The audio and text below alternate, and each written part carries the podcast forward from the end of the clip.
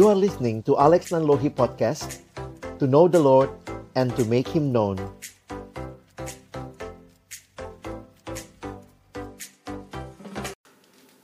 Baik Bu Lina, terima kasih. Bapak Ibu yang terkasih dalam Tuhan Yesus Terima kasih buat kesempatan ini. Saya bersyukur Ini namanya berzoom Pak ya Zoominar kita malam hari ini Untuk sama-sama melihat apa yang menjadi Saya pikir rencana Tuhan yang indah juga Bagi keluarga kita masing-masing Saya mengajak kita berdoa terlebih dahulu Sebelum kita nanti akan membaca Merenungkan firman Tuhan Bapak Surgawi, terima kasih kami boleh kembali dipersekutukan malam hari ini.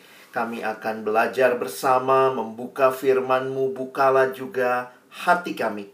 Jadikanlah hati kami seperti tanah yang baik, supaya ketika benih firman-Mu ditaburkan boleh sungguh-sungguh berakar, bertumbuh, dan juga berbuah nyata di dalam hidup kami.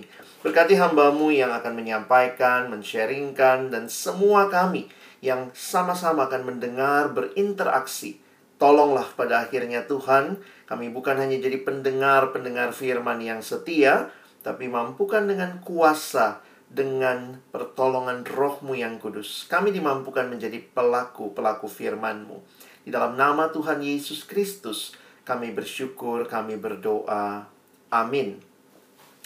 Topik yang menantang malam hari ini saya akan coba bagikan bagi Bapak Ibu sekalian baik dari apa yang saya siapkan dari firman Tuhan dan juga dari pengalaman membimbing anak-anak remaja pemuda di dalam berelasi dengan orang tua. Sehingga ini jadi satu topik yang saya pikir bukan hanya selesai dengan satu seminar seperti ini, tetapi menjadi perjalanan seumur hidup saya pikir buat Bapak Ibu Saudara para orang tua. Nah, kalau kita kembali melihat rancangan Allah ya, Allah yang memberikan rancangan yang indah, maka kita melihat bahwa Allah adalah Allah yang merencanakan ya, bahwa manusia diciptakan di dalam relasi yang indah satu sama lain. Ketika membaca kitab Kejadian pasal yang kedua, lalu kita berjumpa dengan ayat yang ke-18, di situ dinyatakan tidak baik kalau manusia itu seorang diri saja jadi kalau kita melihat setelah di bagian sebelumnya dikatakan Allah menciptakan baik, baik, baik, sungguh amat baik. Tahu-tahu ada kalimat pertama kali di Alkitab kita. Tidak baik kalau manusia itu seorang diri saja. Aku akan menjadikan baginya penolong yang sepadan dengan dia. Sehingga ketika itulah kita melihat bahwa sebenarnya dari rancangan awal Allah tidak ada manusia yang bisa hidup sendiri. Dan Allah memberikan kepada kita masing-masing keluarga, unit terkecil di mana di dalamnya kita hadir ke dalam dunia ini. Sehingga tidak ada bayi yang tidak butuh orang lain, orang tuanya, keluarganya. Tidak ada bayi yang begitu lahir langsung bisa beli susu sendiri Bapak Ibu sekalian ya. Jadi rancangan Allah yang indah bagi manusia juga dinyatakan pertama-tama di dalam keluarga. Tetapi kita pun tahu di dalam Alkitab kejadian pasal yang ketiga menunjukkan bahwa manusia jatuh ke dalam dosa. Dan relasi yang rusak kalau Bapak Ibu perhatikan juga relasi keluarga. ya Bagaimana suami menyalahkan istri. Lalu kemudian kejadian pasal yang keempat kita lihat seorang kakak, seorang koko tega bunuh adiknya sendiri. Jadi gambaran di dalam dosa kalau kita lihat sekarang ya Wah, ini gambaran keluarga yang hancur, keluarga yang berantem. Tetapi bagi kita yang percaya kepada Kristus, kita tahu bahwa ada rancangan Allah yang memulihkan keluarga. Memang tidak ada keluarga yang sempurna. Yang ada adalah keluarga yang dibaharui di dalam Kristus. Belum sempurna, tetapi telah mengalami pembaharuan karena itu saya setuju dengan kutipan berikut. The nearest thing to heaven on earth is a happy Christian home. Bukan berarti tidak ada masalah kalau semua di dalam rumah tangga walaupun Kristen tetap pasti ada pergumulan. Tetapi di dalam Kristus ada relasi-relasi yang dibaharui.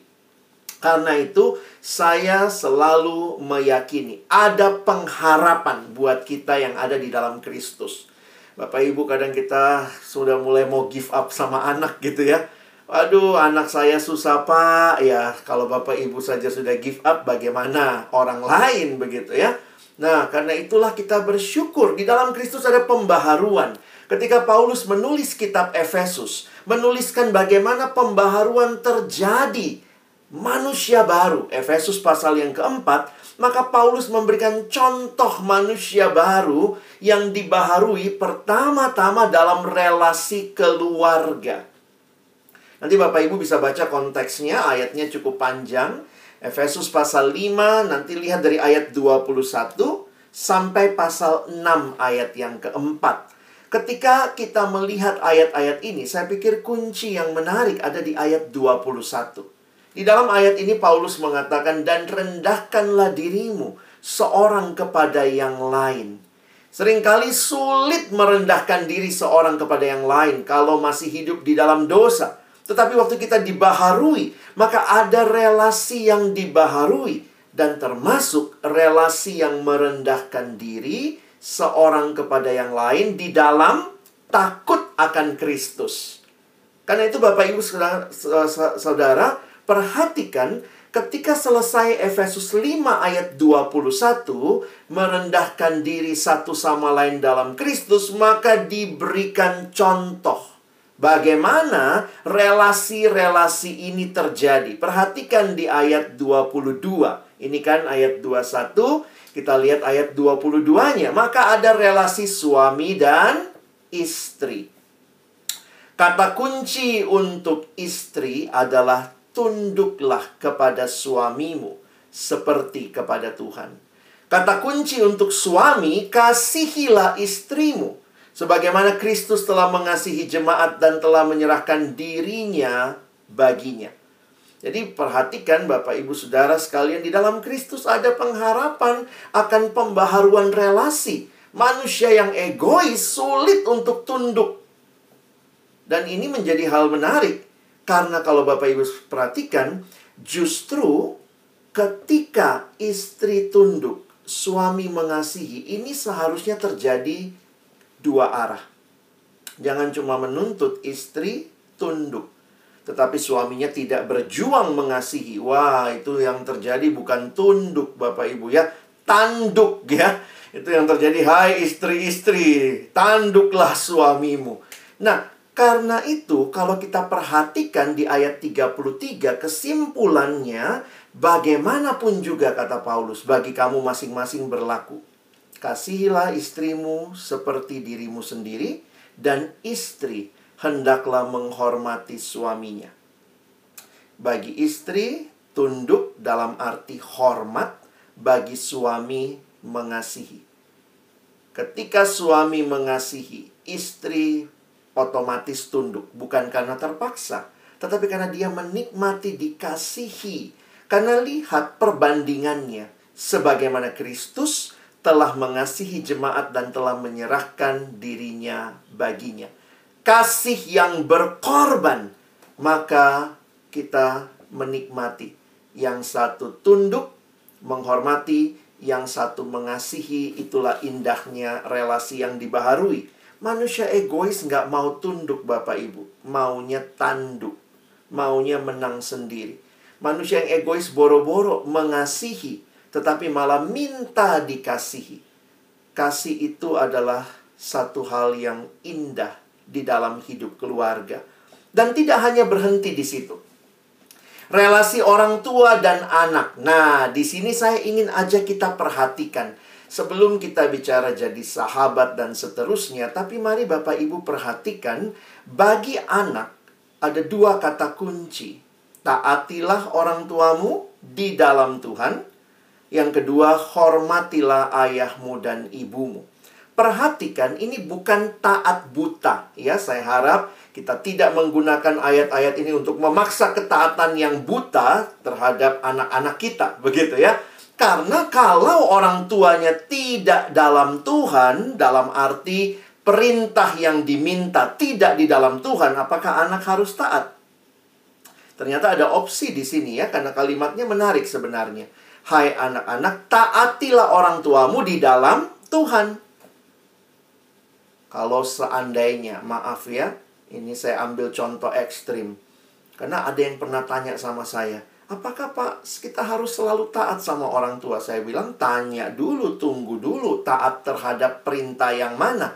Jangan sampai misalnya secara ekstrim orang tua bilang, ayo nak, kita bunuh anak tetangga. Apa perlu taat? Tidak. Taat itu di dalam ketaatan ketundukan kepada Tuhan. Sehingga ketaatan yang tertinggi kepada Tuhan, lalu kepada orang tua. Dalam pengertian, kehendak orang tua yang sesuai dengan kehendak Tuhan harus ditaati anak. Tetapi kalau kehendak orang tua tidak sesuai dengan kehendak Tuhan, maka anak punya opsi untuk tidak mentaati. Karena kalimatnya taatilah orang tuamu ada embel-embelnya di dalam Tuhan. Anak boleh tidak taat? Boleh kalau orang tuanya tidak menyuruh melakukan sesuatu yang tidak di dalam Tuhan. Tapi ayat yang kedua, hormatilah Berarti meskipun, nah ini kalimatnya saya coba rangkai begini. Seringkali memang orang tua, tidak semua orang tua itu sempurna dan bisa jadi teladan. Tetapi ternyata perintah Alkitab, hormatilah. Siapa pun, bagaimanapun, anak perlu menghormati orang tua. Nah, jadi nanti kalau Bapak Ibu bisa perhatikan ya, ada anak-anak dalam konseling, kalau saya terima ya, aduh, papa saya nggak jadi teladan. Papa sering pukul mama. Ngapain saya hormatin orang tua model seperti itu? Saya bilang seburuk apa pun papa mamamu, belajar hormat. Hormat bukan taat, beda. Kalau taat, misalnya papamu bilang, ayo bantu papa pukul mama. Ya jangan taat, tetapi seburuk apa pun tetap hormat. Pergumulan anak-anak biasanya dua hal ini Bapak Ibu.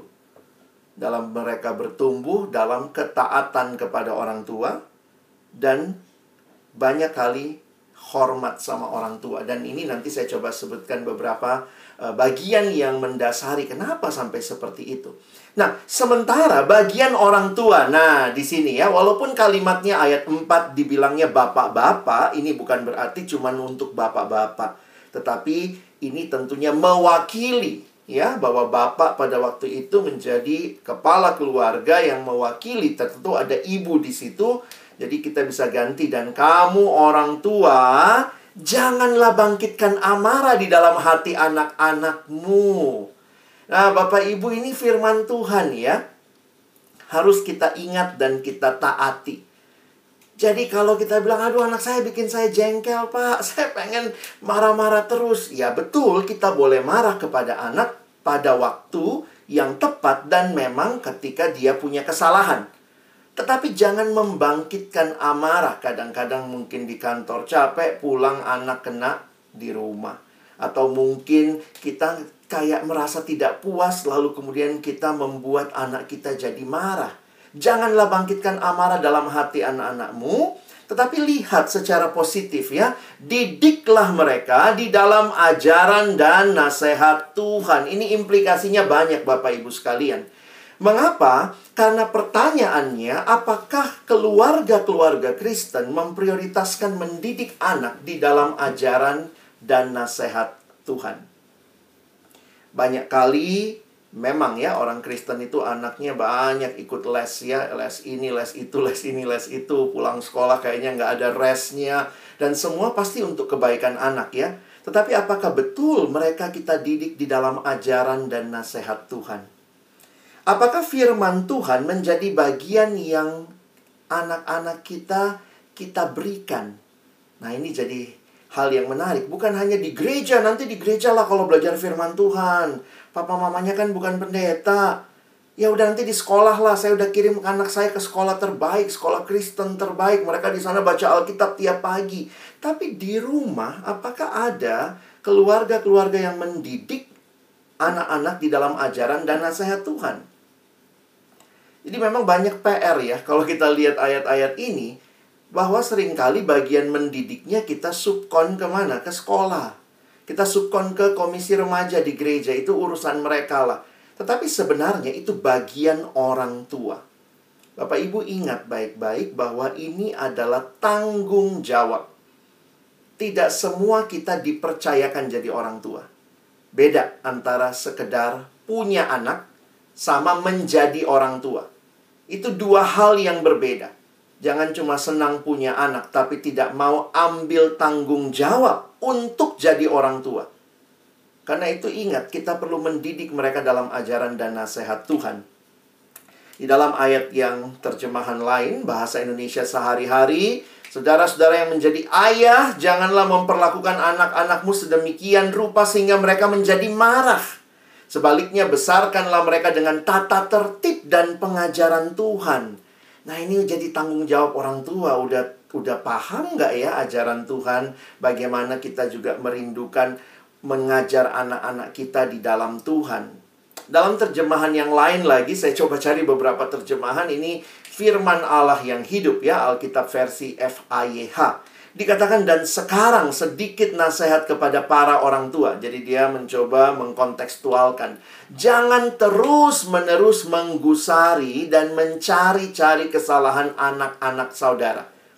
Sehingga membuat mereka marah dan jengkel tetapi didiklah mereka dengan tata tertib yang penuh kasih dan yang menyukakan hati Allah dengan saran-saran dan nasihat-nasihat berdasarkan firman Allah.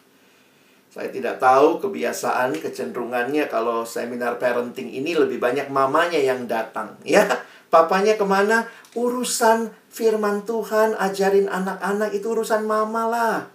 Papa kerja, papa cari uang. Alkitab sebenarnya kalau kita lihat justru tanggung jawab mengajar itu pada papa.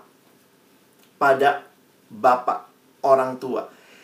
Betul bersyukur ya setelah kita lihat banyak juga ibu-ibu terdidik karena pada waktu itu yang yang yang punya pendidikan itu biasanya cuma kaum laki-laki. Nah, sekarang banyak perempuan juga sudah terdidik, sudah bisa juga setara karena kita tidak seperti masyarakat perjanjian lama, perjanjian baru yang sangat patrilineal. Tapi pertanyaannya ke mana bapak-bapaknya ya? Memang beberapa anak waktu ditanya siapa yang paling rohani di rumah ya, itu bilangnya mama loh ya. Papa itu jarang mereka lihat. Karena itu saya bersyukur ketika juga ikut beberapa seminar tentang orang tua, tentang ayah, maka mari kita merindukan ya bapak-bapak juga serius dengan iman. Serius dengan firman Tuhan karena kita harus memberikan saran dan nasihat berdasarkan firman Allah. Jadi saya mau bahas ini dulu ya. Ini peran soalnya Bapak Ibu ya. Ini perintah firman Tuhan sebelum kita bicara jadi teman. Kalau cuma sekedar jadi teman main game bareng sih oke okay ya. Gampanglah bikin itu. Tapi bagaimana kalau kita jadi teman? Kita mau jadi teman ngapain untuk anak-anak kita? Tetap bagian sebagai orang tua, Bapak, Ibu, dan saya harus pikirkan dengan baik. Makanya seorang teman dia bilang ya, ketika dia makin menghayati peran ayah, dia bilang, Wah, kalau suami saya e, bisa pulang cepat ya dari kecil dia biasakan anak-anaknya itu doa malam sama suami ya tunggu suaminya pulang doa malam kalau anaknya sudah ngantuk sekali maka mungkin dia yang akan pimpin doa malam sebagai ibu tetapi dia bilang sedapat mungkin saya tunggu papanya pulang ya dan papanya juga sadar gitu ya bukan uh, sengaja sengajain pulang telat gitu ya karena ya, biasa orang tua gitu ya capek nih ketemu anak-anak di kantor udah capek di, di bisnis udah capek ada meeting malam pokoknya ya udahlah sampai malam tapi dia berjuang untuk pulang lebih cepat doa sama anak. Anak-anak perlu melihat figur bapak juga karena di dalam banyak keluarga Kristen masa kini yang hilang itu figur bapak. Yang muncul itu figur ibu. Ya, e, ibu yang sangat rohani sementara bapak belum tentu rohani ya, tidak terlalu rohani tetapi mencukupkan semua kebutuhan keluarga. Saya pikir kita perlu memahami ini dengan baik.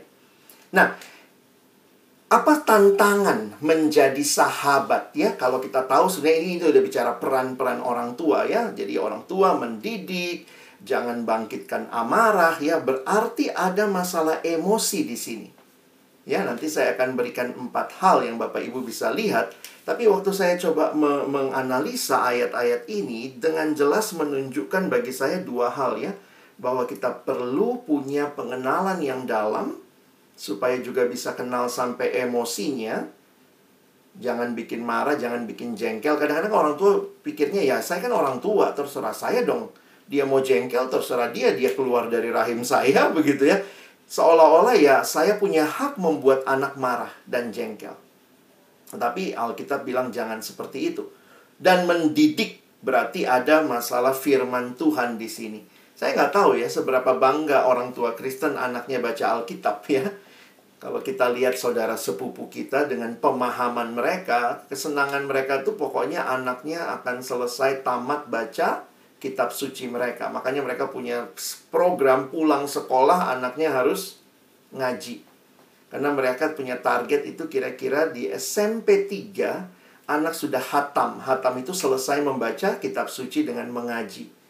Kalau kita rasanya agak beda ya e, baca Alkitab ya sudahlah urusan sekolah, urusan gereja. Tapi di rumah, apakah firman Tuhan menempati tempat sentral di dalam keluarga? Ketika harus jadi sahabat, sebenarnya kita mesti sadar betul ya Bapak Ibu dan anak-anak ya, seberapapun e, perbedaannya ya intinya kita beda generasi ya, kita beda generasi. Dan sering kali, nah ini yang harus kita ingat, generasi mana yang terbaik? Kadang-kadang kita nggak sadar ya, dulu waktu papa mama kita juga ngomong ya, di zaman dulu, lihat engkong tuh berjuang dari nol gitu ya. Kalau papa mamanya mungkin kalau generasi-generasi yang saya mungkin, oh dari 20, 30, tapi kalau engkongnya tuh dari nol gitu ya. Nah, tanpa sadar, itu waktu kita jadi orang tua kita bawa juga gitu ya. Dulu papa, dulu mama, maka sering kali tanpa sadar kita membandingkan generasi. Padahal ingat bahwa memang perbedaan generasi itu satu hal yang nggak bisa kita kita nggak terelakkan ya, nggak bisa kita menghindar. Pasti memang ada banyak generasi anak, apalagi kalau keluarga besar maka ada opa oma, ada engkongnya begitu ya. Itu beda generasi. Dan ingat bahaya kesombongan merasa generasi kita yang terbaik. Pokoknya papa mama dulu yang paling berjuang, paling luar biasa. Sehingga akhirnya untuk situasi seperti ini kadang-kadang sulit menjadi sahabat dengan anak. Karena kita pun juga sebenarnya tanpa sadar sedang membandingkan. Apalagi sekarang unik ya. Saya tidak bisa tutup mata juga setelah perkembangan sosial media mulai banyak reunian nih. Saya nggak tahu nih papa-papa reunian, mama-mama reunian nggak nih ya. Sudah mulai reuni, lalu kemudian bilang, Iya, lihat nih kami udah 30 tahun pisah, masih akrab gitu ya. Asal jangan selingkuh aja sama temen cinta lama bersemi kembali ya. Tuh banyak kan reuni-reuni berujung kepada keretakan rumah tangga. Nah, poinnya adalah kemudian cerita ke anak, lalu tanpa sadar mungkin ceritanya cuma mau cerita ya, supaya anak belajar sesuatu, tetapi tanpa sadar mungkin ada sifat ini ya, Nah, generasi kami lebih baik. Lihat dulu belum ada medsos, kita aja masih kontak satu sama lain. Dulu kami pakai tulis surat dan segala macam. Ingat, kita tuh sebenarnya saling membutuhkan. Jadi kadang-kadang sebelum menjadi sahabat, periksa dulu. Jangan-jangan juga kita punya kesombongan, kita punya hati yang sebenarnya tidak terlalu bersahabat itu jadi terpaksa sebenarnya ya. Ya kita sahabatan, tapi sepanjang bersahabat terus comparing Terus penghakiman, terus ngomong zaman dulu, ah kalau papa mah gini aja gampang, kalau mama ini pasti bisa lah. Sehingga yang terjadi, kita walaupun kelihatannya bersahabat, tetapi ternyata sahabat yang sekarang istilahnya toxic, ya. Sekarang banyak istilah toxic relationship. Jadi orang tua tuh bisa jadi jadi sahabat yang toxic yang toksik itu kan sebenarnya harus dihindari ya. Itu kan teorinya. Kalau orang toksik ya jangan ditemenin daripada semakin kita deket dia kita makin luka, kita makin sakit, kita makin kupingnya nggak enak, eh sampai perasaannya nggak enak, eh nggak bisa tidur. Nah itu orang sudah mulai terpengaruh relasi yang toksik. Ingatlah bahwa generasi tua dan muda kita saling membutuhkan. Saya pikir ketika pandemi terjadi, gereja juga akhirnya membuka mata cukup lebar untuk melihat bahwa ternyata orang muda juga punya bagian di dalam gereja ya. Ketika yang menguasai teknologi itu banyak orang muda, akhirnya dulu mungkin tidak terlalu dilibatkan, sekarang orang muda mulai makin dilibatkan. Anak sekarang punya passion. Young generation they have passion, they have information dan bahkan uh, uh, uh, overloaded information sangat banyak. Orang tua sebenarnya punya wisdom, ya, lamanya hidup, belajar dari pengalaman hidup, punya wisdom. Indah sekali kalau ini digabung. We need each other. Kadang-kadang kalau kita ingat anak kecil ya, opa omanya, gimana nih, tolongin dong mau YouTube nih. Kaleb nih, bentar lagi Kaleb nih misalnya gitu ya. Ah, akhirnya siapa yang dicari? Cucunya. Tolong dong tolongin uh, Popo nih tolongin engkong gimana caranya? Itu bisa jadi kita melihat bahwa saling membutuhkan sebenarnya. Demikian juga orang tua. Kalau orang tua sekarang sih saya pikir lumayan high tech ya. Bahkan orang tua uh, sudah sudah lumayan banyak yang yang menggunakan banyak sosial media nah kita perlu punya sikap dulu ya sebelum bicara relasi persahabatan kita harus punya sikap yang benar-benar mengasihi dan rindu merangkul generasi ini. Loving and embracing this generation. Di dalam Alkitab, peran-peran tadi juga ini ya, saya coba uh, teguhkan dengan beberapa ayat yang Bapak Ibu bisa lihat. Misalnya Amsal 22 ayat 6. Didiklah orang muda menurut jalan yang patut baginya. Maka pada masa tuanya pun ia tidak akan menyimpang daripada jalan itu. Saudara waktu merenungkan ayat ini, saya sedang mikir sederhana begini. Parenting itu bukan masalah waktu ketemu masalah, lalu kemudian bagaimana Pak? Gitu ya. Waktu ketemu masalah terus gimana dong Pak? Ya. Poinnya butuh proses. Dan sering kali, maaf ya, saya tidak mau menghakimi, tapi saya banyak lihat contoh. Kira-kira kesimpulan saya begini. Banyak masalah orang tua dan anak sekarang itu sebenarnya bukan baru terjadi tetapi itu adalah buah yang dipetik dari proses yang lama yang terabaikan.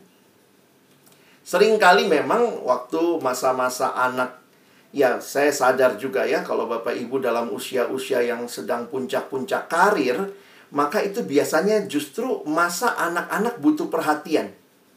Sekalinya papa mamanya sudah mencapai posisi pimpinan, mulai banyak waktu, bisa atur waktu sendiri, bisa mulai mau deket sama anak, anaknya udah nggak mau deket lagi.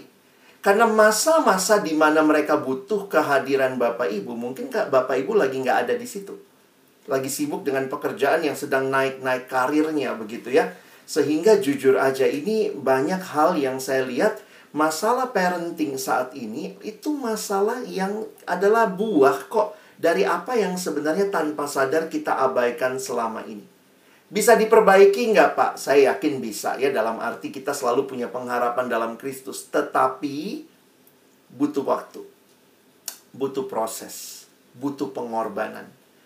Perhatikan kalimat ini. Didiklah orang muda menurut jalan yang patut baginya. Berarti didiknya dari muda.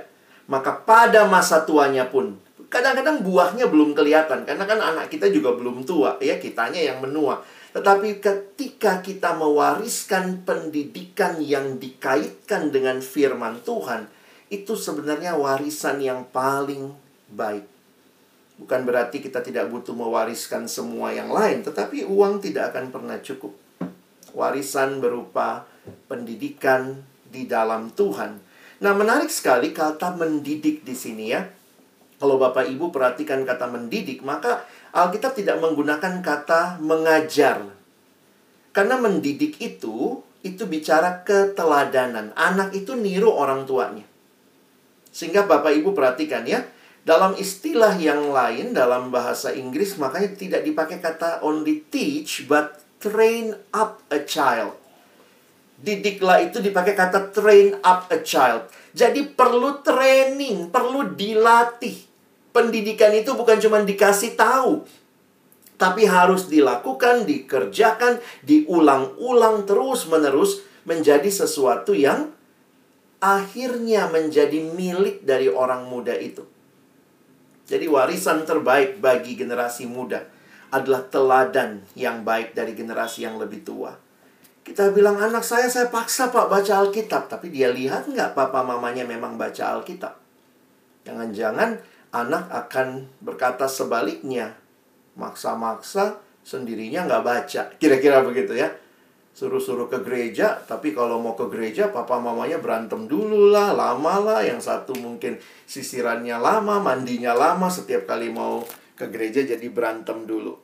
Nah, Bapak Ibu saya tidak tahu bagaimana pergumulan kita masing-masing, tetapi saya hanya ingin mengingatkan kita bahwa ternyata ini adalah sebuah proses ketimbang sebuah satu situasi saja, ya. Karena itu nanti kita bisa periksa ya kehidupan masing-masing dan seterusnya. Sekarang kita masuk lebih jauh kepada dilema. Saya kadang-kadang mikir dilema ya. Gimana jadi orang tua, tapi juga bisa jadi sahabat. Tadi Ibu Lina juga bilang, gimana tuh Pak ya? E, gimana tuh pada saat yang sama jadi orang tua, menantang banget temanya. Lalu kemudian jadi sahabat. Saya lama mikir gitu, bisa nggak sih ya? Jangan-jangan nanti waktu jadi sahabat, anak nggak hormat sama orang tua. Waktu kita jadi sahabat, terus kemudian dia seenak seenaknya aja. Dia pikir benar-benar temennya gitu ya. Nah, Bagaimana kita menghayati ini? Saya mikir-mikir di Alkitab ada konsepnya nggak ya? Orang tua harus jadi sahabat. Saya jujur nggak ketemu ayat langsung di mana mengatakan orang tua harus jadi sahabat, tetapi saya menemukan teladan di mana Tuhan Yesus jadi sahabat kita. Nah, jadi kalau Bapak Ibu bilang saya susah Pak jadi sahabat anak, Kenapa? Saya ini orang tua, wibawa saya ada. Nah, tapi coba bayangkan. Allah datang jadi manusia, terus jadi sahabat kita. Kalau Tuhan aja bisa, masa Bapak Ibu bisa bilang, saya nggak bisa gitu ya. Ini bagi saya jadi teladan yang menarik, bahwa ternyata menjadi sahabat itu satu bagian yang Tuhan Yesus perkenalkan dalam misinya. Nanti saya ajak kita berpikir dari titik ini ya. Di dalam Yohanes 15 ayat 12 sampai 15, perhatikan sebentar. Inilah perintahku, yaitu supaya kamu saling mengasihi sama seperti aku telah mengasihi kamu. Tidak ada kasih yang lebih besar daripada kasih seorang yang memberikan nyawanya untuk sahabat-sahabatnya. Dan ayat 14, kamu adalah sahabatku jika kamu berbuat apa yang kuperintahkan kepadamu. Ayat 15. Nah, ini bagi saya menarik. Aku tidak menyebut kamu lagi hamba, sebab hamba tidak tahu apa yang harus diperbuat oleh tuannya. Tetapi aku menyebut kamu sahabat, karena aku telah memberitahukan kepada kamu segala sesuatu yang telah kudengar dari Bapakku. Saudara, bukan berarti waktu Yesus jadi sahabat kita lalu kemudian kita jadi kurang ajar sama Yesus. Berarti ya kitanya sendiri yang tidak menghargai persahabatan itu. Tetapi ada dua hal sebenarnya kalau kita perhatikan dari ayat ini. Persahabatan Yesus demi menjadikan kita sahabat. Perhatikan kalimatnya. Saya senang dengan ayat 13. Tidak ada kasih yang lebih besar daripada kasih seorang yang memberikan nyawanya untuk sahabat-sahabatnya. Ternyata untuk menjadi sahabat, Tuhan kayak mau ngajarin kita ada pengorbanan. Apa pengorbanannya Yesus jadi sahabat kita? Dia harus tinggalkan surga turun ke dalam dunia. Sehingga kalau Bapak Ibu bilang, gimana ya Pak, saya jadi sahabat tapi nggak mau berkorban. Kadang-kadang saya bingung juga gitu ya. Karena demi menjadi sahabat kita, Yesus menunjukkan pengorbanan yang luar biasa. Dan mungkin aspek lain yang itu adalah aspek keterbukaan, ya. Karena aku tidak sebut kamu lagi hamba, tetapi kamu adalah sahabat karena aku memberitahukan. Jadi sebenarnya di sini aspek keterbukaan.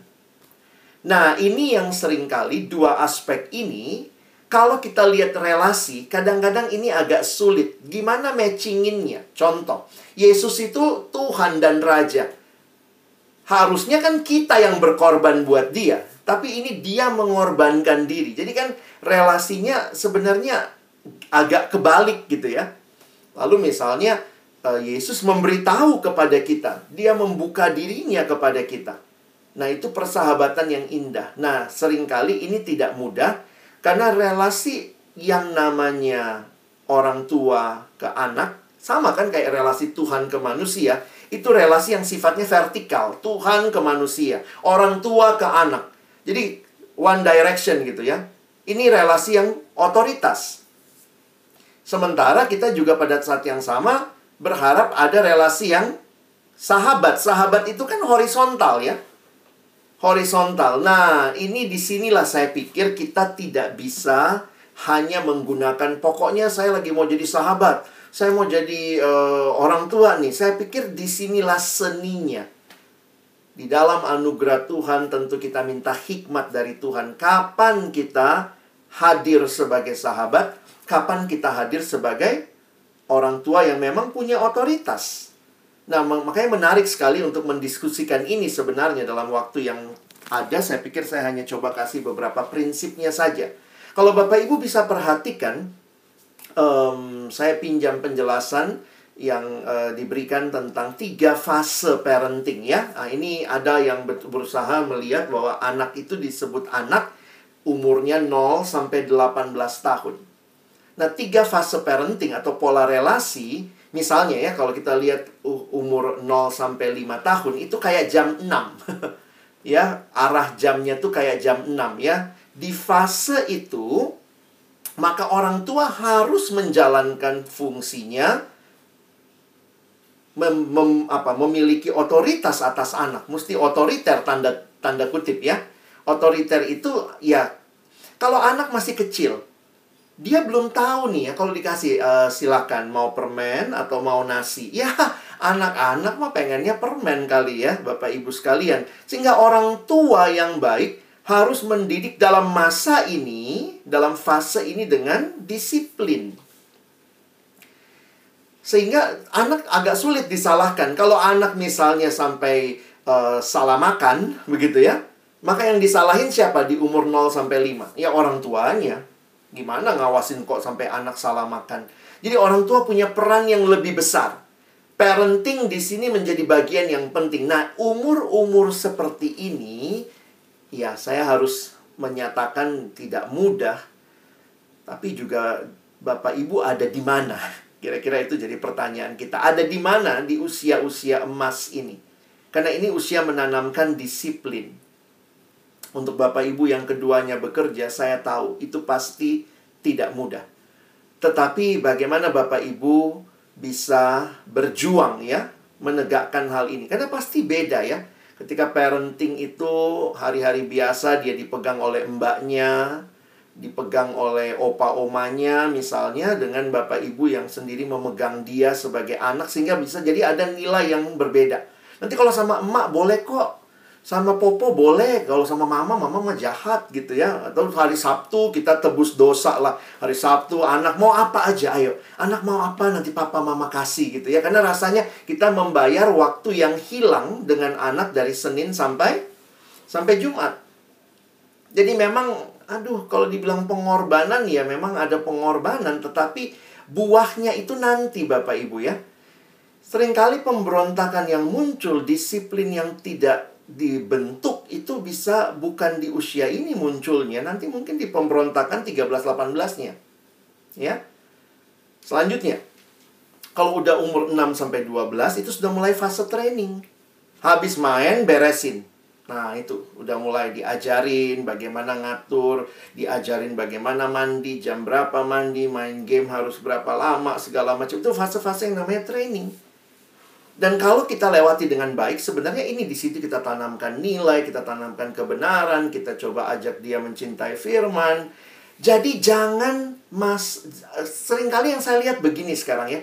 Di usia-usia seperti ini malah orang tua yang disetir anak kami, pernah reunian Bapak Ibu ya. Udah janjian nih. Kita reunian di tempat X lah, anggaplah di Alam Sutra. Udah kami semua menuju ke Alam Sutra, tiba-tiba teman saya uh, eh, WA ya, satu temen gitu. Sorry ya, gue tadi udah jalan ke Alam Sutra, tapi anak gue nggak mau. Jadi dia suruh muter mobilnya ya, maaf kami balik ke Jakarta. Wah, sepanjang jalan tuh jadi percakapan gitu ya anaknya masih umur 6 sampai 12 sini ya. Sebenarnya dia yang orang tua atau anaknya yang orang tua begitu ya. Kok bisa tiba-tiba berubah? Kenapa? Karena kasannya saya ingin memberikan yang terbaik buat anak. Memang ya kami janjian reuniannya Sabtu ya. Dan Sabtu itu mungkin waktu dia sama anak dia tebus dosanya itu gitu. Akhirnya hari Sabtu itu uh, reuni yang di, udah di planning jauh-jauh hari jadi dia tidak hadir karena anaknya katanya minta balik gitu. Sampai kita mikir, wah anaknya bos di rumah ya. Nah kalau udah umur-umur sebegini harusnya dia yang ikutin orang tuanya malah kebalik. Wah Ini udah tanda-tanda bom waktu juga Bapak Ibu ya. Saya bukan berarti kita tidak boleh mengikuti anak, tetapi ingat, ini masa training. Dia harus belajar untuk taat. Dan memang ini adalah masa-masa di mana biasanya masih bisa kita ajak bicara dengan dekat. Karena begitu masuk 13-18 tahun, ini SMP SMA, sampai awal-awal masuk kuliah, ini sudah tahap di mana dia memilih sendiri Bapak Ibu. Ini tahap yang sebenarnya kita akan hadir jadi coaching di sini. Tapi sering kali di masa seperti ini orang tua menjadi masih kayak menjadi eh, orang tua yang kepo begitu ya. Padahal sebenarnya kalau coaching itu kan di luar lapangan ya. Keponya begitu ya. Kamu WA sama siapa? Tadi WA-nya isinya apa? Siapa aja temanmu di sekolah? Nah, anak dengan us usia seperti ini kayak merasa nggak dipercaya. Nah, sementara fase membangun kepercayaan mungkin sudah ada di 0 sampai 5 tahun. Mungkin ada di 6 sampai 12. Jadi, kita mesti tahu. Makanya kalau lihat ini ada model jam ya. Kalau itu 0 sampai 5 kayak jam 6. Nanti 6 sampai 12 itu kayak jam uh, eh, 7 lewat 5. Nanti kemudian 13 18 itu kayak jam 8 lewat 10. Jadi pelan-pelan gitu ya. Nanti kalau di atas 18 tahun sebenarnya sudah begini polanya ya. 9.15 itu orang tua sama anak jadi partner. Udah mulai bisa ih mama kalau pakai baju ini cantik nggak ya? Gimana ya? Coba deh kamu lihat begitu. Ya mungkin itu juga bisa terjadi dari anak masih kecil. Tapi ketika misalnya eh papa lagi mau pindah kerja nih. Yuk kita coba diskusi itu anak-anak sudah mulai bisa jadi kalau kita juga lihat fase perkembangan kita harusnya bisa melihat di mana kita hadir sebagai orang tua yang juga jangan sampai kita kehilangan masa-masa itu, ya. Sekali lagi Bapak Ibu, parenting itu bukan masalah seminar malam ini sih ya. Tetapi masalah apa yang Bapak Ibu sudah coba tanamkan melalui proses ya. Seminar-seminar seperti ini hanya menolong kita, meneguhkan, memberikan kita beberapa hal yang akan mungkin menolong kita ke depan. Nah, lalu pertanyaannya, mau jadi sahabatnya di mana nih? Di usia berapa? Apakah nanti tunggu 18 tahun baru jadi partner? Nah, saya sih makanya saya mengcombine fase perkembangan ini menurut saya kita bisa jadi sahabat dengan anak sejak dini dari awal, ya. Jangan buru-buru tiba-tiba jadi sahabat pas dia udah mulai SMA, mulai banyak masalah, mulai diem. Tiba-tiba kita baru mau, aduh, kamu mesti sahabat sama mama deh. Mama your best friend. Padahal selama ini kita nggak pernah ada buat mereka. Nah, karena itu empat elemen ya. Kalau Bapak Ibu mau mengembangkan persahabatan, saya pinjam ini dari pendeta Timothy Keller. Empat elemen utama dalam persahabatan dia ambil dari kitab Amsal. Persahabatan harus disengajakan. Harus ada intentionality. Dia mengutip Amsal 18 ayat 24, ada teman yang mendatangkan kecelakaan tetapi juga ada sahabat yang lebih karib daripada seorang saudara. Sehingga untuk menciptakan persahabatan yang karib ya dengan anak begitu kuncinya sebenarnya adalah dialog. Dan itu kalau dialog itu kuncinya listen. Seringkali kan orang tua di masa tertentu, saya orang tua nih, kamu dengerin mama ya, kamu dengerin papa ya. Tapi pertanyaannya, papa mama dengerin saya nggak? Walaupun kadang-kadang mungkin anak-anak dengan alasan-alasan dia yang receh ya, kalau kata orang sekarang, aduh receh banget gitu ya. Tetapi belajar mendengarkan itu jadi satu hal yang menarik. Dalam sebuah buku yang ditulis pastor milenial namanya Grant Skeldon, nah ini pastornya ya, Wah, dia tulis buku. Saya pikir kalau Bapak Ibu tertarik, uh, silahkan cari buku ini. Kami sudah terbitkan juga terjemahannya dalam bahasa Indonesia. Judulnya The Passion Generation. Nah, dia menuliskan uh, satu bagian yang dibuat kartun ya. Dia bilang begini, Everyone is talking about millennials. Anak millennials itu begini, begini, begini, begini. Banyak buku, banyak seminar. Everyone is talking about millennials. But no one is listening to them. Nggak banyak yang dengerin mereka. Nah, kita tuh dikasih Tuhan dua telinga, satu mulut ya. Supaya kita bicaranya harus lebih sedikit daripada mendengarnya harus lebih banyak. You have two ears and one mouth, so you can listen twice and as much as you speak. Bukan berarti Bapak Ibu nggak boleh ngomong sama anak, kasih tahu ya. Apalagi kalau di fase-fase disiplin itu kan kita dengan aturan dan segala macam. Tetapi mari mulai juga bangun belajar mendengar. Karena anak-anak itu juga bertumbuh secara pemikiran. Dan untuk mendengar memang kuncinya apa? Waktu, kehadiran. Time is the currency of relationship. There is no way to invest in a relationship without investing your time. Wah, saudara ini nggak mudah ya. Menyempatkan waktu untuk bermain dengan anak adalah investasi terbaik yang bisa dilakukan oleh orang tua. Kayaknya sih sia-sia banget atau rasanya kok kayaknya buang waktu. Tetapi itu justru sedang menanam waktu. Bapak Ibu sekarang kan jago investasi ya tapi jangan sampai kita bahkan tidak tahu. Kita tahu kripto, kita tahu investasi-investasi yang luar biasa. Tapi kita nggak tahu investasi terbaik yang Bapak Ibu punya loh. Kripto belum tentu semua sudah punya ya. Tapi ini semua kita punya. Waktu. Oke? Okay? Ini yang pertama. Intentionality. Yang kedua, constancy. Konsisten. Amsal 17 ayat 17 Seorang sahabat menaruh kasih setiap waktu dan menjadi saudara di dalam kesukaran. Siapa itu sahabat? Bapak Ibu harus hadir bagi anak, baik waktu dia sukses maupun dia gagal. Itulah sahabat. Sahabat itu bukan orang yang ya kadang-kadang memang orang tua gitu ya. Tidak semua kita punya cara yang cukup baik untuk memotivasi anak. Banyak yang memotivasi caranya pakai cara orang tuanya dulu. Dan bisa jadi itu cara-cara yang tidak tepat. Ada yang memotivasi dengan mengancam. Kalau kamu gini terus mama mati aja. Ya ampun. Itu rasanya bukan jadi sahabat, tapi dia pengen bersahabat gitu. Tapi caranya dia membangun ancaman-ancaman. Kamu bukan anak mama lah kalau kayak begini nilai kamu. Anak-anak perlu tahu bahwa papa mamanya akan terima dia juga kalau dia gagal. Ya, cuman segini. Mama kemarin ketemu anaknya tante ini, dia segini tuh teman kamu. Sahabat itu adalah orang yang mengetahui hal yang paling buruk tentang dirimu, namun masih tetap mengasihi engkau sebagaimana adanya. Jadi, sahabat menunjukkan kasih. Perhatikan kalimatnya, menaruh kasih setiap waktu. Apakah berarti tidak boleh memberikan kritikan? Boleh.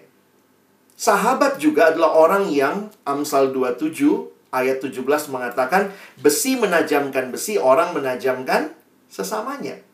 Jadi ada saling mengasah. Jadi indah ya kalau kita gabung. Konstansi itu berarti saling asah, saling asih, mengasihi dan mengasah. Kalau sudah jadi sahabat enak tuh. Waktu kita kritik anak kita, dia tahu bahwa ini kritikan datang dari papa mama yang memang memberi telinga, memberi waktu dengar, bukan cuman sibuk sepanjang hari, tahu-tahu lihat rapor lalu marah. Itu itu beda ya. Nah, memang situasinya yang kadang tidak mudah. Ketiga, transparansi. Transparansi diambil ayat Amsal 27. Lebih baik teguran yang nyata-nyata daripada kasih yang tersembunyi. Seorang kawan memukul dengan maksud baik, tetapi seorang lawan mencium secara berlimpah-limpah. Bapak Ibu, di sini kita perlu tahu ya bahwa sahabat itu keterbukaan. Nah, tentu kita tahu ya ada hal-hal yang harus kita beritahukan, ada yang mungkin belum perlu kita beritahukan kepada anak.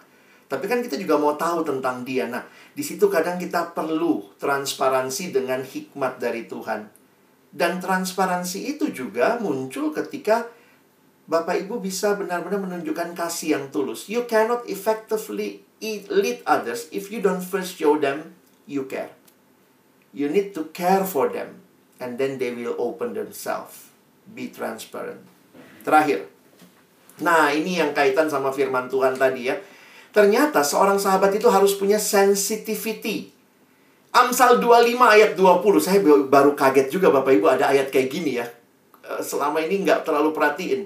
Orang yang menyanyikan nyanyian untuk hati yang sedih adalah seperti orang yang menanggalkan baju di musim dingin dan seperti cuka pada luka. Coba, orang lagi sedih, Lalu ada yang nyanyi-nyanyi gembira, kira-kira begitu ya. Itu seperti orang yang menanggalkan baju di musim dingin itu dingin banget. Atau seperti ada luka, kita taruh cuka, rasain lo sakit. Kalau anak lagi sedih, Bapak Ibu mari sensitif. Jangan ya gitu aja. Ah, papa mah kalau kayak gitu udah deh. Ya, kamu baru begini aja, mama. Kadang-kadang kita nggak sensitif kalau mau jadi sahabat, kita harus kembangkan sensitivity. Kadang memang anak belum bisa cerita. Pulang-pulang sekolah dia bete. Ya udah kita diem dulu. Ya sudah, dia masuk kamar, dia kunci kamar. Nggak usah. Kenapa kamu? Kasih tahu. Ada apa? Mama perlu tahu. Kenapa kamu kayak begini? Belum tentu dia bisa langsung cerita, Bapak Ibu. Kita perlu untuk punya sensitivity. Dan ternyata untuk membaca sensitivitas anak, banyak orang tua tidak peka. Maaf ya. Karena mungkin orang tua bilang, saya juga sensitif pak, saya juga lagi capek nih. Ini lagi rugi nih, bisnis nih, kripto turun nih atau apa. Sehingga kadang-kadang ketidaksensitifan orang tua ketemu ketidaksensitifan anak ya udah perang. Nah, tetapi ingat ya, kalau seperti itu Bapak Ibu yang harus mengalah. Maaf, ini kalimat saya agak keras ya. Kenapa? Karena Bapak Ibu sudah pernah jadi remaja. Tapi remaja belum pernah jadi orang tua. Sehingga jangan berharap terlalu banyak mereka bisa ngerti kita seperti kita saat ini. Tapi kita seharusnya bisa lebih berjuang mengerti mereka. Saya tutup dengan slide ini. Don't dismiss someone's feeling just because you don't understand them. Saya nggak ngerti tuh pak anak saya. Cuman cuman digituin temennya kok sakit banget hatinya. Aduh, kok nggak kayak saya yang tangguh. Bapak Ibu mungkin tidak ngerti apa yang mereka alami, tapi jangan despise, jangan jangan tidak peduli dengan feeling mereka.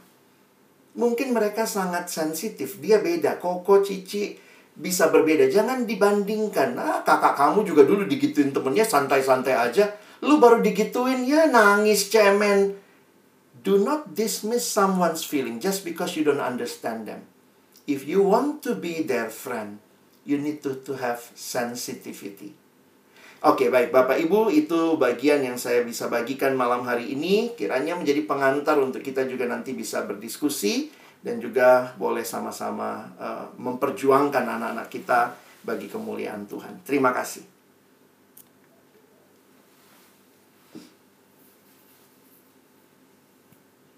Oke, terima kasih untuk Pak Pendeta Alex uh, yang sudah membawakan uh, materi yang kayaknya ini ya Pak ya maksudnya uh, gampang uh, gampang gitu Pak tapi ternyata sulit untuk dilakukan. Betul. Oke, okay, uh, sekarang kita akan uh, masuk ke dalam persembahan.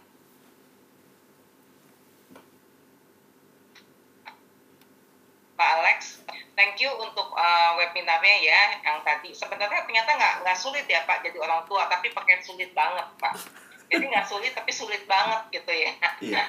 Oke, okay, ini ada pertanyaan Pak uh, dari uh, peserta webinar. Yeah. Malam Pak, pergaulan zaman sekarang kan ekstrim.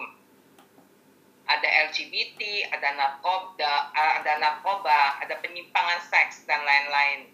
Gimana caranya supaya kita menyiapkan anak kita untuk masuk ke dalam dunia seperti itu? kapan sih kita mesti jelasin ke anak-anak kita di usia berapa kira-kira? Kayak sekarang aja kan film-film Marvel aja sudah banyak diselipin oleh adegan-adegan LGBT menurut bapak? Hmm. baik bu. Terima kasih pertanyaannya. Ini satu tantangan orang tua generasi ini dan juga anak-anak muda tentunya saya tetap meyakini bahwa firman Tuhan harus jadi fondasi kehidupan rohani keluarga. Semakin takut Bapak Ibu Saudara dengan kondisi dunia, semakin harusnya kita membentengi anak-anak kita dengan firman Tuhan. Kita tidak bisa menutup akses informasi. Saya pikir orang tua yang bilang nggak boleh ini, nggak boleh itu mungkin akan makin sulit. Dari gadget yang kita kasih, mereka bisa akses semua. Karena itu apalagi benteng pertahanan kita, saya pikir ya doa orang tua dan juga tentunya firman Tuhan yang memberikan ya kalau kalimat Alkitab kan firmanmu itu pelita bagi kakiku, terang bagi jalanku. itu menunjukkan kita ada dalam dunia yang gelap. Bagaimana bisa berjalan dengan baik? Ya firmanmu pelita. Nah, karena itu mari bahas bagian-bagian firman Tuhan dengan anak-anak kita yang juga berkaitan menyangkut tema-tema atau hal-hal yang ada di dalam dunia. Jadi kita mengajak mereka juga untuk bisa melihat, berdiskusi. Nah, tentu sesuai dengan umur anak ya. Tapi bagi saya misalnya mengajarkan seks, nggak usah tunggu anaknya besar. Sejak dia masih kecil harusnya kita sudah mulai bicara Nah, gimana Pak bicara seks sama anak kecil? Ya, seks itu kan artinya jenis kelamin. Maka paling tidak anak-anak bersyukur untuk jenis kelamin dia sehingga dia tahu ada laki-laki, ada perempuan. Lalu dia tahu yang namanya laki-laki itu menikahnya dengan perempuan. Itu kan nggak usah tunggu dia nonton film ada LGBT-nya baru kita ingetin. Nggak boleh. Dari kecil kita sudah harus tanamkan dulu bahwa Alkitab mengatakan firman Tuhan bilang Adam bersatu dengan Hawa, Adam laki-laki, yang ini perempuan. Anak-anak kalau masih kecil, anak TK ya, itu bisa bilang semua cowok di kelasnya pacar dia kan. Ada yang cewek seperti itu ya, cucu-cucu atau anak perempuan, itu pacarku, ma itu. Oh gitu, kenapa kamu suka sama dia? Walaupun mungkin kan masih bercanda ya, tapi kita coba tanya. Iya, dia soalnya cantik sih Oh, dia kulitnya putih ya. Oh, dari situ kita membangun pemahaman bahwa itu adalah ciptaan Tuhan, gender yang berbeda dengan kamu. Jadi poin saya adalah mari ajarkan bertahap. Jadi kalau orang tua nggak pernah memberikan hal itu, tiba-tiba ada kasus-kasus seperti itu, anak-anak juga akan bingung karena dia tidak punya teladan dalam firman. Nah, banyak hal yang sebenarnya sekarang lagi dunia hadapi kan ada jawabannya dari firman Tuhan. Nah, itu harusnya sejak awal kita membangun anak-anak di dalam firman Tuhan. Kalau dia lihat misalnya, tadi saya lihat ada yang kayak gini, kok laki ciuman sama laki? Nah, kita kemudian ajak, yuk kita lihat ya, ternyata laki itu pasangannya perempuan. Tapi di dalam pernikahan nggak boleh tuh cium-ciuman seperti itu. Jadi, kalau kita bilang boleh nggak boleh, kita membangunnya juga dalam sebuah pemahaman yang bawa anak-anak untuk lihat ada dasarnya kenapa kita berbicara seperti itu. Mungkin itu dulu, Bu. Oke, jadi memangnya artinya kita mesti kasih pemahamannya ya, Pak ya, bukan Betul. hanya sekedar nggak boleh, tapi pemahamannya dulu dasar firmannya iya. seperti apa. Iya. Uh, pertanyaan kedua nih, Pak Bagaimana kalau background orang tua dulunya kan dididik dengan cara yang keras atau dari keluarga broken home. Sekarang kan kita jadi sulit untuk menerapkan komunikasi yang baik dengan anak. Maksudnya barangkali Pak yang orang yang bertanya ini adalah dia backgroundnya adalah orang tuanya dulu mendidik dia dengan keras. Iya. Nah sekarang dia akan sulit menjadi uh, menerapkan komunikasi yang baik dengan anak. Bagaimana Pak caranya untuk supaya dia bisa uh, berubah gitu loh. Iya, uh, terima kasih. Ini pasti pergumulan yang tidak mudah, tapi saya bersyukur karena pertanyaan ini diangkat. Ini menunjukkan kalau buat saya selalu ada pengharapan ya, Bu, bahwa orang tua ingin lebih baik, ingin bisa berkomunikasi. Nah, saya pikir kita mari coba belajar untuk uh, membangun skill itu ya. Jadi jangan kemudian menyerah. Dulu saya nggak digitukan kok sekarang dia harus saya begitukan. Kesannya jadi kayak kita melakukannya pun jadi terpaksa. Saya pikir dengan hati yang rela, kita tahu seperti yang Ibu katakan tadi ya, tantangan generasi ini beda banget sama tantangan zaman Bapak Ibu sekalian. Dulu film-film yang kita tonton namanya film kartun ya lucu-lucu. Sekarang film kartun ada pornonya, film kartun ada LGBT-nya, jadi kalau kita nggak bangun komunikasi hanya karena alasan dulu saya juga nggak ada komunikasi, saya broken home juga, tapi saya bisa berjuang, saya sukses kok, saya bisa berhasil.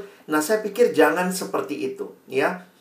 Nah, saya harus ingatkan juga Bapak Ibu sekalian begini, kita bersyukur sebenarnya bahwa di dalam membesarkan anak-anak kita, Tuhan kasih segitiga sebenarnya kalau saya pakai gambarannya. Pertama keluarga, yang kedua sekolah, yang ketiga gereja. Nah, saya tahu tidak semua keluarga sempurna. Kadang-kadang Tuhan menutupi itu melalui kehadiran gereja, komisi pemuda remaja. Anaknya mungkin sulit ngomong sama papa mamanya tapi terbuka sama lausenya di remaja. Saya pikir itu juga anugerah Tuhan yang harus kita syukuri. Karena itu bangunlah relasi juga dengan gereja. Jangan cuma titip anak saya gitu ya. Kadang-kadang suka gitu ya. Orang tua suka bilang, iya nih Lausa, anak saya kok hancur begini gitu ya. Ya ampun Bapak Ibu, dia datang remaja paling satu jam, dua jam. Selebihnya kan sama Bapak Ibu di rumah. Selebihnya sama Bapak Ibu guru di sekolah. Jadi kadang-kadang juga jangan salahkan gereja, tapi bangun sinergi. Termasuk juga kalau dengan sekolah, sekarang sekolah-sekolah sudah semakin baik ya. Ada komunikasi dengan orang tua, ada parenting, eh, seminar-seminar. Jadi saya pikir kita harus melihat, kalaupun kita sedang berjuang, percayalah Tuhan juga tidak give up dengan anak-anak kita. Tuhan sedang pakai gereja, Tuhan sedang pakai sekolah untuk terus membangun anak-anak kita bagi kemuliaannya. Tapi perlu Bapak Ibu eh, berjuang ya dengan latar belakang yang mungkin eh, keluarga yang broken dulunya. Ya, memang perlu perjuangan Pak artinya ya. Benar. Oke Pak. Uh, yang ketiga adalah Pak, saya suka dengan uh, pernyataan Bapak yang menyatakan bahwa investasi waktu itu adalah investasi yang terbaik adalah invest waktu juga di anak. Kebetulan ini pertanyaannya dari saya langsung Pak. Jadi ya, oke. Okay. Saya ini kebetulan bekerja Pak. Jadi memang yeah. saya juga uh, bekerja, tuh saya punya usaha tapi saya setuju dengan pernyataan Bapak bahwa investasi yang terbaik saat ini mungkin adalah invest waktu dengan kepada anak. Karena kalau memangnya kita, saya beranggapan kalau misalnya anaknya saya sakit atau anak saya terluka, depresi, whatever apa pun itu, Pak, hmm, hmm. itu kayaknya ada yang bisa menggantikan. Tetap aja uh, banyak yang kita harus korbankan lagi. Betul. Tapi Pak kesulitannya adalah bagaimana Pak kita menjadi orang tua yang baik atau menjadi menjadi teman buat anak kita kalau mungkin kita sudah kehilangan momen-momen waktu yang yang tadi bapak bilang hmm. fase-fase itu udah berlalu pak gitu loh mungkin kita miss dengan waktunya itu yeah. ini mungkin juga pertanyaan beberapa teman-teman pak sehingga uh, apa yang terjadi kalau kita sudah melewatkan masa-masa seperti itu yeah. kita nggak bisa balik lagi tapi apa yang harus bisa yang kita lakukan semaksimal mungkin Iya. Karena kan parenting itu seperti Bapak juga bilang adalah perjalanan seumur hidup kita untuk belajar menjadi seorang tua nggak bisa cuma gara-gara webinar ini kita sadar gitu loh pak iya, gitu loh. iya. benar bu wah ini perlu seminar lagi ya bu iya tapi kalau saya secara sederhana selalu ingatkan ya buat bapak ibu yang merasa gagal di masa lalu mungkin baru sadar baru ngeh tetap ada harapan dalam Tuhan Harapannya apa? Bahwa Tuhan memakai. Saya selalu ingatkan segitiga tadi ya. Kadang-kadang kita baru sadar sekarang tapi ternyata mungkin anak kita butuh tempat cerita, tapi akhirnya dia cerita sama gurunya di sekolah. Saya pikir ya Tuhan baik ya, sehingga bagi anak kita tetaplah dia sediakan. Nah, tetapi bagaimana sekarang kita mau membaharui peran kita? Saya pikir sih kita perlu juga untuk ambil Nah, itu butuh hikmat ya, Bu. Saya harus ingatkan ya butuh hikmat tetapi memang sering kali ya, maaf saya pakai yang ibu katakan tadi, sering kali ketika anak ada masalah, nah di situ baru kelihatan tuh orang tuanya misalnya baru sadar lalu kemudian ambil tindakan dan itu biasanya ekstrim. Teman saya ada yang sampai keluar pekerjaan. Ya udah, dia korbankan pekerjaan istilahnya ya, dia mengorbankan pekerjaan sebagai PNS padahal untuk menemani anak. Dan itu ya semua orang bilang ya kamu tuh dia dokter S3 di pekerjaan itu top banget dah. Tapi dia tinggalkan semua itu untuk mendampingi anaknya. Dan waktu ditanya kenapa seserius itu? Dia bilang untuk jadi sahabat kita Yesus aja tinggalin surga. Saya tuh cuma tinggalin dokter dan pekerjaan saya Nah, puji Tuhan memang ya Tuhan cukupkan penghasilan suami sehingga anak semata wayang mereka temenin kira-kira begitu. Nah, saya tidak tahu pengorbanan apa yang Bapak Ibu bisa lakukan dalam hikmat Tuhan. Tidak semuanya ceritanya seperti itu. Tapi yang saya selalu ingat, setiap kali kita bicara saya berkorban nih, saya tinggalin semua. Ingatlah itu sesuatu yang tidak melebihi apa yang sebenarnya Tuhan sudah lakukan bagi Bapak Ibu dan saya. Jadi Nah, kita mesti berdoa ya. Apa nih yang misalnya kalau ibu ada kerja dan usaha, mana tahu salah satu dilepas supaya bisa punya waktu sama anak lebih banyak. Atau bisa dikasih sama orang lain yang menjalankan, kita tinggal mengontrol. Nah, itu semua. Tapi poinnya adalah kita sadar, kita butuh waktu dengan anak di masa-masa sebelum misalnya dia keluar dari rumah. Kalau dia udah pergi kuliah, atau mungkin dia harus keluar negeri, keluar kota, kadang-kadang kita udah nggak punya waktu lagi ya Nah, kalau misalnya saya nggak bisa tinggalin pekerjaan saya, Pak, maka mulailah bangun pola-pola baru komunikasi di jam-jam tertentu, WA lah, uh, kirim message. Paling tidak anak tahu ya, orang tuanya selalu ada untuk uh, uh, paling tidak kirim kabar atau tanya sudah makan, makan makan apa, makan dengan siapa atau apalah ya. Tapi kita membangun sebuah pola komunikasi yang baru hanya untuk menunjukkan mama nih kerjanya sibuk banget, papa nih kerjanya sibuk banget, tapi papa membangun kebiasaan untuk tetap ingat kamu di pekerjaan papa. Karena belum tentu juga bapak ibu tiba-tiba ketinggalin semua padahal kan anak punya anak sekarang ongkos mahal ya uang sekolah, belum dia mau les ini, les itu. Jadi kadang-kadang saya juga menghayati Bapak Ibu yang berjuang dengan harus membesarkan anak, memberi yang terbaik, butuh biaya yang besar. Tapi ternyata setelah kita kasih semua, anak butuhnya kehadiran kita. Nah ini yang kadang-kadang serba salah. Nah cobalah konsultasi, diskusi, suami istri, kalau mungkin ada konselor di gereja, ada bapak ibu gembala, kita bisa coba tanya kondisi kita lalu dalam doa kita putuskan apa yang terbaik. Jadi saya pikir itu semua perlu waktu sih Bu. Tapi miliki dulu niat bahwa saya harus bangun komunikasi dengan orang yang saya kasihi ini. Mungkin itu dulu. Oke, Oke. Uh, sebagai penutup Pak, mungkin ya. uh, saya mau tanya sedikit Pak dari pengalaman Bapak di Perkantas ya. atau mungkin uh, dari komunitas Bapak gitu Pak. Mungkin ada nggak Pak sesuatu yang kita bisa pelajari dari anak-anak muda, dari sisi anak mudanya Pak yang sharing ke Bapak, yeah. permasalahan utamanya dengan orang tua itu biasanya apa Pak? Sehingga mungkin kami yang jadi orang tua ini bisa belajar sesuatu atau mengaca gitu loh Pak. Yeah. Sebenarnya yang saya simpulkan tadi uh, sudah cukup banyak ya Bu uh, poinnya yang saya lihat adalah kehilangan figur orang tua di masa-masa yang sebenarnya mereka butuhkan, ya. Uh, dan ternyata agak mirip dengan temuan di Amerika atau mungkin di negara-negara maju karena khususnya kita juga ada di negara yang berkembang seperti ini. Uh, kenapa anak muda tidak terlalu suka dengan hal rohani? Salah satu surveinya adalah mereka tidak lihat teladan rohani dari orang tua. Itu hasil survei waktu saya bandingkan sama bilangan research juga itu ada. Ternyata kan bilangan research mensurvei Indonesia ya. Poinnya sederhananya begini. Kenapa kamu tidak terlalu suka hal rohani? Bosenlah lihat papa mama munafik. Jadi ternyata hidup bapak ibu itu berbicara sangat kuat entah mereka makin cinta Tuhan atau satu sisi mereka mungkin makin jauh dari Tuhan. Tetapi itu ya, ingat selalu ada pengharapan. Tuhan pakai Bapak Ibu mungkin mulai sadar Tuhan pakai gereja mengisi kekosongan yang kita nggak bisa lakukan Tuhan pakai sekolah nah tapi poinnya adalah ternyata anak membutuhkan figur teladan. Dan itu dalam semua aspek ya teladan dalam kerohanian teladan di dalam keseharian. Jadi kadang dia begitu papa mama gue ke gereja tapi berantem terus tiap hari ngapain gue ke gereja? Ngapain saya ikutan papaku tuh rohani kalau hari minggu doang? Hari lain mamaku dipukul.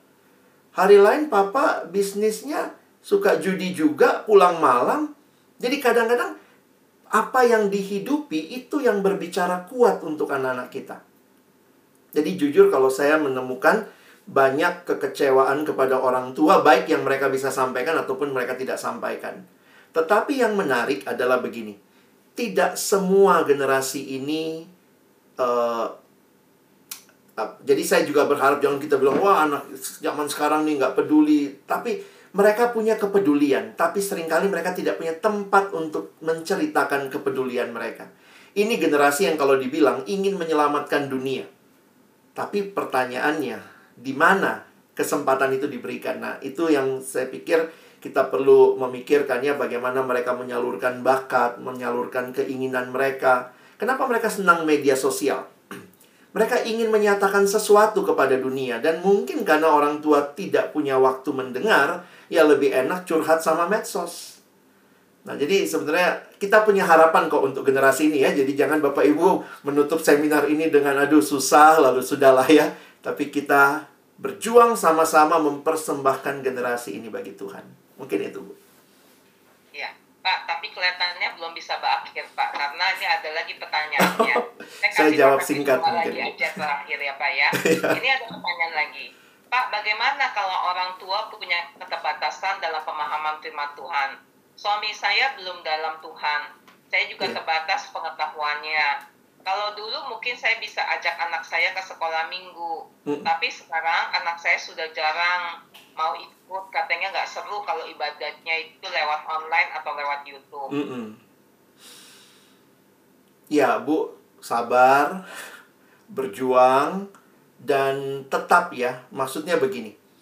Seringkali juga kita kan berharap perubahan langsung, kadang perubahan nggak seperti itu ya dalam kesederhanaan kita, dalam keterbatasan uh, ibu, teruslah menabur, terus juga belajar mencintai firman Tuhan. Belajar firman itu bisa terus-menerus kok. Jadi bukan berarti kalau saya sedikit pemahaman firman, tapi mari ibu ikut seminar, datang ke gereja, baca Alkitab tiap hari pasti nambah kok pengetahuan akan firman Tuhan dan berharap itu kelihatan dalam sikap sehingga mungkin pelan-pelan anak nanti akan melihat gitu ya bahwa orang tuanya hidup dalam Tuhan, melakukan kebenaran begitu.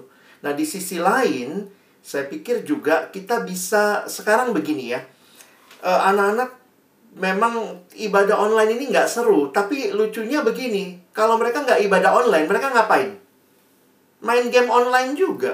Mereka ngapain? Nonton YouTube online juga. Jadi kan berarti bukan masalah online-nya juga. Nah, bersyukur sebenarnya ada banyak uh, YouTube-YouTube Kristen yang bagus. Nah, mungkin bagian kita bekerja sama dengan Komisi Pemuda Remaja, coba kita bikin kayak list uh, YouTube-YouTube yang bagus lah, sehingga mungkin bisa anak-anak akses. Kenapa? Karena mereka juga senengnya yang yang online ya. GKY punya Hello God. Hello God itu bagus setiap hari untuk anak muda, ada penguatan, ada apa. Uh, ada ada yang namanya Yes He Is. Yes He Is itu produksi film-film singkat yang bermakna untuk anak muda. Lalu ada yang namanya Bible Project. Bible Project juga itu proyek tentang Alkitab tapi dibuat dalam visual itu aduh kalau anak-anak tuh bakal suka deh hal seperti itu. Nah, saya pikir kita mesti perkenalkan itu. Jadi jangan kemudian, ah anakku nggak suka ibadah online, tapi kita boleh tawarin. Ih, coba deh nonton ini. Ini singkat kok, cuma dua menit, tapi bermakna loh. Nanti habis nonton kita diskusi ya, mama ajak kamu. Kamu belajar apa dari tadi yang singkat itu. Jadi kita terus ciptakan. Nah memang ya saya bersyukur lah ya paling tidak GKI sudah membuat satu terobosan dengan aplikasi di HP namanya Hello God. Jadi Bapak Ibu bisa pakai itu untuk mengajak anak muda bertumbuh dalam Tuhan. Itu pendeta-pendeta kita juga yang ngomong di situ kan. Jadi itu terpercaya lah ya. Nah, sementara website-website yang lain karena gini ya. Bapak Ibu tahu nggak, satu hari itu katanya website porno bertambah 300 3000 website. Yang konten porno itu satu hari tambah 3000. Terus kita yang Kristen berapa website Kristen? Kadang-kadang website gereja isinya uh, warta info gitu ya. Jadi buat anak muda juga nggak menarik kali website gereja gitu ya. Makanya dengan terobosan ada Hello God segala macam kita isi ruang-ruang yang kosong itu supaya mereka nggak ke hal-hal negatif.